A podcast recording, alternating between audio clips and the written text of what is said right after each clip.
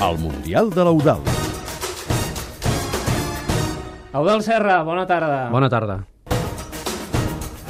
Obríem el programa parlant de Di Stefano i, curiosament, un mite del futbol com ell mai va jugar cap Mundial de futbol. Així és, un cúmul de circumstàncies va fer que un dels millors jugadors de la història, amb un palmarès d'equip i d'individual envejable, passés desapercebut quan es va tra tractar de la selecció.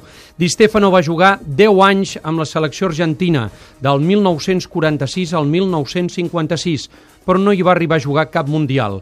Entre el 1938 i el 1950, la Segona Guerra Mundial i els anys posteriors a aquesta impedeixen que se celebri cap Mundial.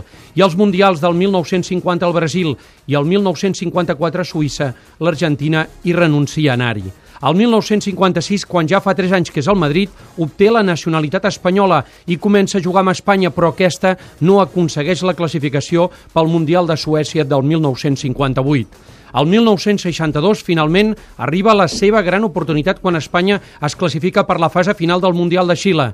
Di Stefano hi arriba ja amb 36 anys i al final de la seva carrera, però una lesió muscular en un dels últims partits de preparació el deixa cau definitivament. Di Stefano viatja a Xile amb la resta de l'equip, però com ell mateix explica, només ho fa com a turista. Figura a la llista oficial de la FIFA, però no pot jugar cap partit. El cas és que per un motiu o per un altre, un dels més grans de tots els temps no va arribar a saber el que és jugar un Mundial de Futbol.